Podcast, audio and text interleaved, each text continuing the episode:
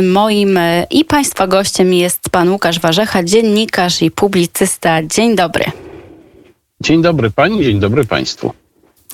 E, premier Donald Tusk, były premier, e, zapowiedział, że Polacy jednak dostaną pieniądze z Brukseli i nikomu nie przychodzi wcale do głowy, by karać Polaków za upór pisowskiej władzy. Podobno rozmawiał już z panią Ursulą von der Leyen na ten temat. No więc w zasadzie to w, w czym jest problem? Ja odczytuję te słowa Donalda Tuska jako swego rodzaju asekurację, ponieważ e, rzeczywiście nie ma pewności, jak e, zachowa się w tym momencie tutaj Rada Europejska, bo to ona powinna zdecydować, jeżeli chodzi o zatwierdzenie Krajowego Planu Odbudowy.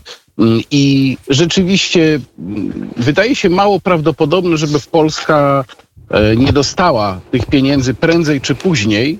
Mm, I wydaje mi się, że Donald Tusk y, chce się zabezpieczyć na wypadek, gdyby pieniądze jednak do nas trafiły, albo też ma informację, że one do nas trafią.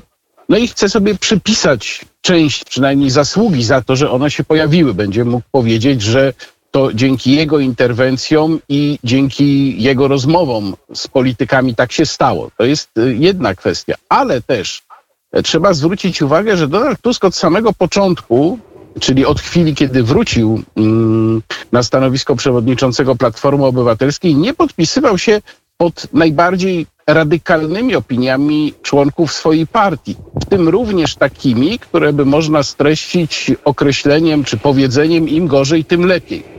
I to również dotyczyło kwestii pieniędzy unijnych. Donald Tusk rzeczywiście od początku mówił, że nie byłoby dobrze, gdyby Polska te pieniądze straciła i że on by się z tego nie cieszył. Inaczej niż członkowie jego partii, którzy są eurodeputowanymi, którzy przecież zagłosowali gremialnie za rezolucją w Parlamencie Europejskim wzywającą do mm, niewypłacania Polsce pieniędzy, dokładnie do niezatwierdzania Krajowego Planu Odbudowy.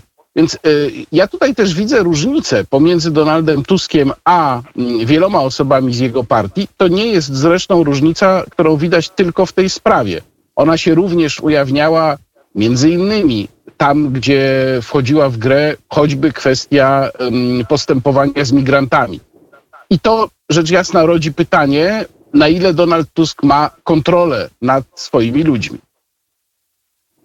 E, no właśnie, kontrola e, nad e, swoimi ludźmi to za chwilę, bo przejdziemy jeszcze do wyborów, bo przecież Donald Tusk został nowym, starym przewodniczącym Platformy Obywatelskiej.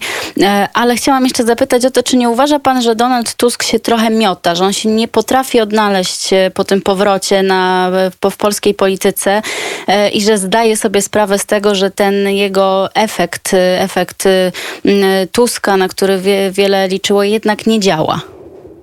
Czy nie, działa ja może? Bym, ja, ja, bym nie powiedział, że Donald Tusk się miota. Nie widzę w jego postępowaniu miotania, natomiast widzę, że on się spiera, yy, czy on próbuje walczyć z trudnościami, o których zapewne wiedział, które być może okazały się większe niż się spodziewał. I tutaj jest kilka takich rzeczy. No, pierwsza rzecz, która znów, y, to trochę się powtórzę z y, pierwszą moją wypowiedzią, ale która najbardziej się rzuca w oczy, to jest pewien opór materii w jego własnej partii.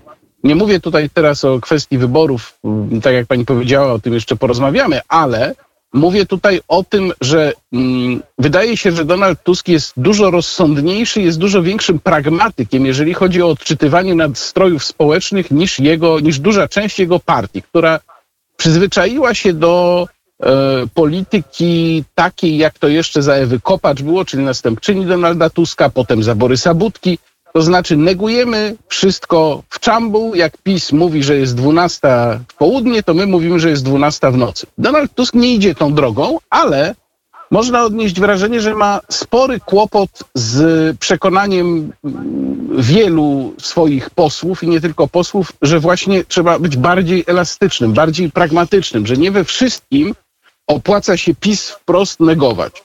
Więc to jest pierwsza sprawa. Druga sprawa no to jest kwestia dominacji na scenie politycznej. Donald Tusk e, wyjeżdżał z Polski jako absolutny hegemon tej sceny i nie miał tak naprawdę poważnej konkurencji po stronie no, wówczas jeszcze rządzącej, a potem jakbyśmy to odnieśli do sceny politycznej, to opozycji. Dzisiaj opozycja jest znacznie bardziej skomplikowana niż scena polityczna y, za czasów Donalda Tuska.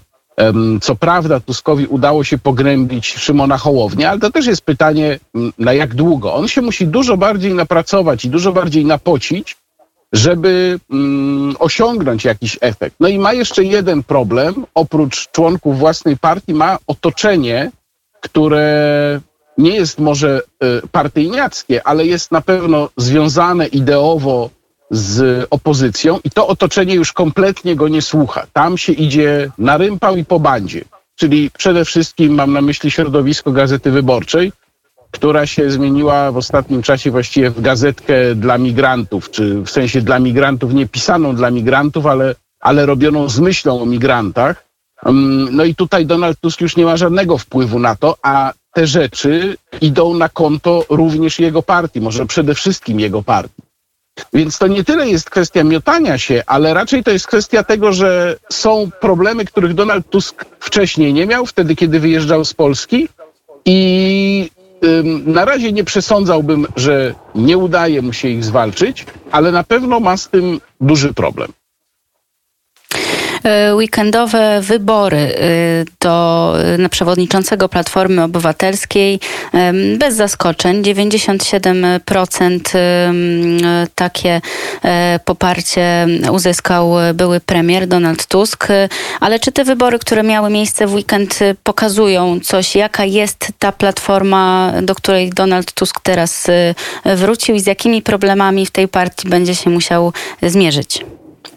No, cały czas y, w, naszej rozmowie się to przewija i, i, i, też y, znów muszę powtórzyć to samo. Tam najbardziej znana kwestia mm, tego, że przepadła Agnieszka Pomaska popierana przez y, Donalda Tuska. To jest przykład najbardziej widoczny. Natomiast Donald Tusk zawsze był liderem bezwzględnym.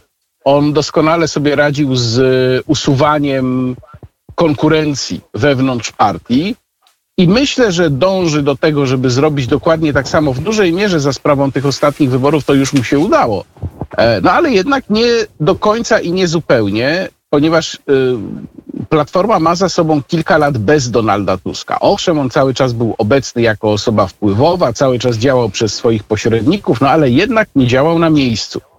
I powstała grupa ludzi, którzy uznali, że Donald Tusk już nie wróci i że im się nie opłaca, żeby wracał, bo on wtedy zacznie zaprowadzać własne porządki. W ramach tych porządków oni mogą przepaść. No i dokładnie mm, z tym właśnie Tusk ma teraz problem. On na pewno będzie się starał spacyfikować wszystkie te osoby i stawiałbym, że przy jego umiejętnościach, bo tutaj w dużej mierze mówimy o politykach młodszych, którzy takiego doświadczenia jak Tusk nie mają, że przy jego umiejętnościach to się uda. No zresztą jak spojrzeć na to, jak on sobie już właściwie poradził i z Borysem Budką, i z Rafałem Trzaskowskim, no to trudno tu mieć wątpliwości, ale znów to zajmuje czas. I to też może nas prowadzić do pewnych wniosków y, związanych z kwestią przyspieszonych wyborów. Od początku twierdziłem, że przyspieszone wybory mogą być ewentualnie w interesie Prawa i Sprawiedliwości, ale nie są w interesie opozycji. I te wszystkie procesy dotyczące platformy tym bardziej pokazują, że przyspieszone wybory nie byłyby w interesie opozycji, nie byłyby w interesie Donalda Tuska w tej chwili. A ponieważ y, wydaje się, że na razie Jarosław Kaczyński też od tego pomysłu odchodzi, no chyba, że się okaże, że sytuacja gospodarcza się tak szybko pogarsza, że trzeba szybko te przyspieszone wybory zrobić, żeby PiS nie zaczęło tracić na poważnie. Ale jeżeli tak się nie stanie, no to wtedy już żadna poważna siła nie ma interesów w przyspieszonych wyborach. Donald Tusk potrzebuje czasu, żeby partię sobie podporządkować. Jarosław Kaczyński potrzebuje czasu, żeby powprowadzać pewne zmiany. Mm, no i przyspieszone wybory stają się coraz mniej realne w tej sytuacji. No na razie w kontekście tej całej sytuacji e, związanej z e, praworządnością PiS e, zyskuje. Jeśli wierzyć ostatnim sondażom 37% ponad to jest wzrost o jakieś 2, 2 punkty procentowe w stosunku do poprzednich badań. To się utrzyma, czy jednak może nie? Bardzo trudno w tej chwili powiedzieć. Ja widzę przede wszystkim największe niebezpieczeństwo, jeżeli chodzi o notowania dla PiS właśnie w sprawach gospodarczych i takiej sytuacji nie było jednak dosyć dawno. PiS miał przez większość swoich rządów, właściwie przez mm, o pierwszą kadencję całą, bez wyjątku, bardzo duże szczęście, jeżeli chodzi o sytuację gospodarczą. W tej chwili ma na głowie ogromne problemy potencjalne. Em, To są ceny energii, benzyna oraz prąd. Przyczyny tutaj są różne, natomiast sprowadza się to generalnie do globalnego kryzysu energetycznego, który w Polsce jest oczywiście pogłębiony, pogłębiony tym, że mamy taki miks energetyczny, jaki mamy, czyli mamy nadal większość energii mm, z węgla, w sensie to jest największa część energii pochodząca z węgla. E, Do tego dochodzą wszystkie czynniki proinflacyjne. W dużej mierze do tego PiS się dokłada swoją polityką fiskalną i społeczną. E, Ludzie to zaczynają odczuwać i to już naprawdę bardzo mocno. I takiej sytuacji, kiedy to właśnie gospodarka, sytuacja w portfelach mogła doprowadzić do um, erozji poparcia dla partii rządzącej, nie było od, no myślę, że bardzo wielu lat. E, A to tymczasem może się przed kolejnymi wyborami okazać czynnikiem decydującym. Oczywiście, jak zawsze, działania opozycji e, tutaj też mają znaczenie, to znaczy one mogą napędzać poparcie, czy ugruntowywać poparcie, poparcie dla partii rządzącej.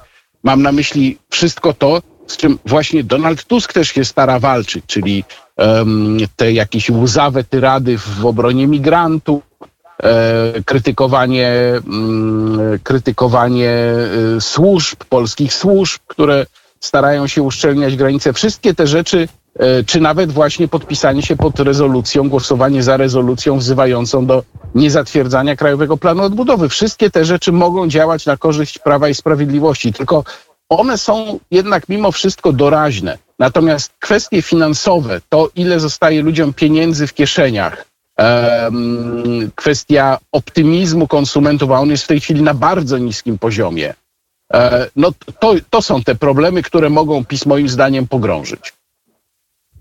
A czas nas goni, więc zapytam jeszcze tylko krótko. Dzisiaj premier Mateusz Morawiecki w rozmowie z dziennikiem Financial Times y, powiedział, padły dość ostre słowa o tym, że Unia Europejska wywołuje trzecią wojnę światową, że przystawia nam pistolet do głowy. To jest tylko takie stroszenie piórek, czy y, i ta retoryka obliczona właśnie na, na zysk?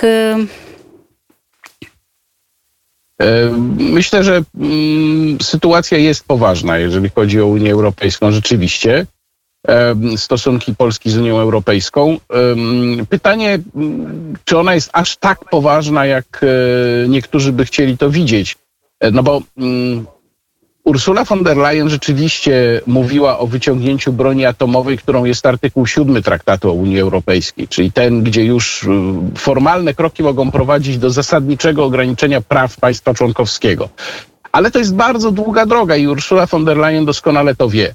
Długa, trudna i każde państwo, które by opowiadało się za taką drogą y, i miało, sądziło, że ona może zostać wobec Polski zrealizowana, wiedziałoby, że też nie jest bezpieczne, zwłaszcza mówię tu o tych mniejszych państwach, że to też może w którymś momencie uderzyć w nie. Myślę, że taka świadomość jest i w państwach Europy Środkowej w większości, i we Włoszech, i w Hiszpanii. Ja sądzę, że jest tutaj naprawdę ym, faktyczna konfrontacja w grze, Natomiast, że nie jest tak łatwo przejść do jej tego już najpoważniejszego etapu. E, Bardzo dziękuję. Tutaj musimy już e, postawić e, kropkę. Moim i Państwa gościem był pan Łukasz Warzecha, dziennikarz i publicysta. Dziękuję jeszcze raz. Dziękuję uprzejmie, kłaniam się.